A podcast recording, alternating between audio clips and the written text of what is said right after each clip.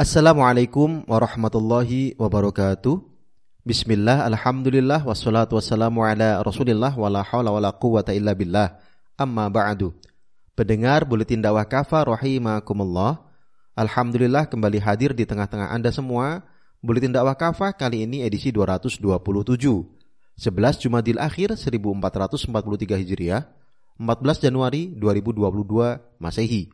Kali ini akan mengangkat tema Jadilah penolong agama Allah. Bismillahirrahmanirrahim. Penistaan terhadap agama Islam semakin marak di tanah air, terutama di media sosial. Terakhir, seorang politisi menulis status di salah satu platform media sosial, kasihan sekali Allahmu ternyata lemah, harus dibela.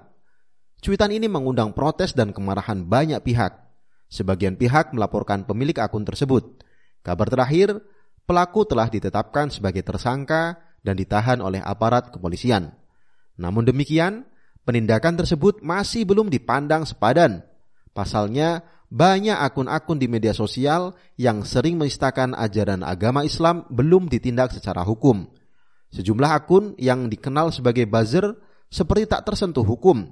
Meski berulang dilaporkan, mereka masih juga bebas berkeliaran dan mengulangi kelakuannya. Pendengar rahimakumullah. Allah tak perlu dibela? Menanggapi persoalan penistaan agama dan kasus cuitan di atas, ada sebagian muslim yang berpendapat bahwa Allah memang tak perlu dibela. Menurut mereka, sikap ngotot dan marah dalam setiap kasus penistaan agama dengan dalih membela Allah sama artinya dengan menganggap Allah itu lemah sehingga perlu pembelaan. Padahal, kata mereka, Allah itu maha perkasa dan maha kuat. Allah tak memerlukan pembelaan dari manusia yang lemah. Membela Allah sama artinya menganggap Allah itu lemah. Begitu opini mereka. Sikap seperti ini jelas salah besar. Kaum muslim harus bisa membedakan ranah akidah dengan ranah amal. Dalam ranah akidah, setiap muslim wajib mengimani bahwa Allah Maha Kuat, Al-Qawi, Maha Perkasa, Al-Aziz, juga Maha Kokoh, Al-Matin. Tidak ada yang dapat mengalahkan kekuasaan Allah taala sebagaimana firman-Nya dalam Quran surah Az-Zariyat ayat 57 sampai 58. A'udzu billahi minasyaitonir rajim. Bismillahirrahmanirrahim. Ma uridu minhum min rizqin wa ma uridu ayyud'imun. Innallaha huwar razzaqu dzul quwwatil matin. Aku tidak menghendaki rezeki sedikit pun dari mereka dan aku tidak menghendaki agar mereka memberi aku makan. Sungguh Allah dialah pemberi rizki pemilik kekuatan yang maha kokoh. Allah taala mengabarkan bahwa segala sesuatu pasti akan binasa kecuali Dia. Dalam Quran surah Al-Qasas ayat 88, A'udzu billahi minasyaitonir rajim. Bismillahirrahmanirrahim. Kullu syai'in halikun illa wajhah. Lahul hukmu wa ilaihi turja'un. Segala sesuatu pasti binasa kecuali Allah. Segala keputusan menjadi wewenangnya dan hanya kepadanya kalian dikembalikan. Namun demikian, dalam ranah amal, Allah Subhanahu wa taala memerintahkan kaum muslim untuk membela agamanya. Allah Subhanahu wa taala berfirman dalam Quran surah Al-Hajj ayat 40, A'udzu billahi minasyaitonir rajim. Bismillahirrahmanirrahim. Wala yansurannallahu may yansuruhu innallaha laqawiyyun aziz. Sungguh Allah akan menolong orang yang membela agamanya. Sungguh Allah Maha Kuat lagi Maha Perkasa. Allah SWT juga memerintahkan kaum muslim agar menjadi para penolong agamanya. Dalam Quran surah Muhammad ayat 7, A'udzu billahi minasyaitonir rajim. Bismillahirrahmanirrahim. Ya ayyuhalladzina amanu in tansurullaha yansurkum wa yusabbit aqdamakum. Wahai orang-orang yang beriman, jika kalian menolong agama Allah, niscaya Dia akan menolong kalian dan meneguhkan kedudukan kalian. Syekh Ibrahim Al-Qattan dalam tafsirnya menjelaskan maksud ayat ini. Wahai orang-orang yang beriman, jika kalian menolong Allah, yakni dengan menolong syariahnya, menegakkan hak-hak Islam, berjalan sesuai dengan manhajnya yang lurus, niscaya Allah menolong kalian atas musuh-musuh kalian. Inilah janji yang benar dari Allah Subhanahu wa taala Sungguh dia telah melakukan demikian untuk kaum mukmin yang siddiq dari kalangan generasi sebelum kita. Karena itu, sekarang kita pun dituntut untuk menolong agama Allah dan berjalan pada manhajnya sampai Allah menolong kita dan mengokohkan kedudukan kita. Allah tidak pernah mengingkari janji. Al-Qattan dalam kitab Taisir At-Tafsir jilid 3 halaman 242. Rasulullah Shallallahu alaihi wasallam juga pernah berpesan kepada Abdullah bin Abbas radhiyallahu an agar menjaga agama Allah. Ihfadillah yahfadka. Jagalah agama Allah, niscaya dia menjaga kamu. Hadis riwayat At-Tirmidzi. Berkaitan dengan hadis ini, Imam Ibnu Rajab Al-Hanbali menjelaskan, maknanya jagalah batas-batasnya, hak-haknya dan larangan-larangannya. Menjaga hal itu adalah dengan menepati perintah-perintahnya dengan ketundukan, menjauhi larangan-larangannya, tidak melanggar batas-batasnya. Ibnu Rajab dalam kitab Jami'ul Ulum wal Hikam halaman 462.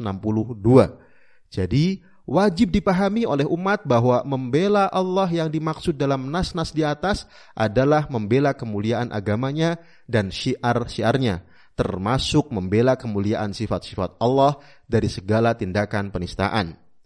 Dalam surah Ibnu Hisham, Diriwayatkan bahwa Abu Bakar As-Siddiq radhiyallahu an pernah memukul dengan keras wajah seorang pendeta Yahudi bernama Finhas karena dia mengolok-olok Allah taala. Dia menyebut Allah miskin sedangkan kaum Yahudi kaya. Ejekan ini berkaitan dengan perintah Allah kepada kaum muslim untuk memberikan pinjaman yang baik, qardon hasana di jalannya. Atas pemukulan tersebut, Finhas mengadukan Abu Bakar radhiyallahu an kepada Rasulullah sallallahu alaihi wasallam. Namun Allah Subhanahu wa taala membela tindakan Abu Bakar dengan menurunkan firman-Nya dalam Quran surah Ali Imran ayat 181. A'udzu billahi minasyaitonir rajim. Bismillahirrahmanirrahim. Laqad sami'allahu qaulal ladzina qalu innallaha faqirun wa nahnu aghniya'u sanaktubu ma qalu wa qatlahumul anbiya'a bighairi haqqin wa naqulu Sungguh Allah telah mendengar perkataan orang-orang yang berkata Sungguh Allah itu miskin sementara kami kaya kami akan mencatat perkataan mereka itu dan perbuatan mereka membunuh nabi-nabi tanpa alasan yang benar. Kami akan mengatakan kepada mereka, rasakanlah oleh kalian azab yang membakar. Pendengar rahimakumullah, dampak moderasi beragama. Makin banyaknya orang-orang yang menistakan agama Islam bukan tanpa sebab. Pertama, para pelaku seolah kebal hukum. Menurut pengacara muslim Aziz Yanuar, sejak 2014 hingga 2022, dari 71 kasus yang dilaporkan dengan tersangka dari kelompok oposisi seperti Habib Rizik Sihab dan Habib Bahar Smith, semua tersangka di penjara. Sebaliknya, dari 51 kasus penistaan agama yang dilakukan oleh buzzer yang dilaporkan, hanya sedikit bahkan bisa dihitung dengan jari yang berakhir di penjara. Tindakan ini berpotensi menimbulkan kecurigaan bahwa telah terjadi prinsip tebang pilih bahkan kezaliman terhadap kaum muslim. Yang kedua, hal ini tak lepas dari semangat moderasi beragama. Dalam prinsip moderasi beragama, kaum muslim diajarkan untuk tidak bersikap fanatik dan radikal pada agamanya – seperti tidak berlebihan dalam membela agama. Karena itu, dalam kasus-kasus penistaan agama, selalu ada upaya menetralisir pembelaan umat terhadap agamanya sendiri.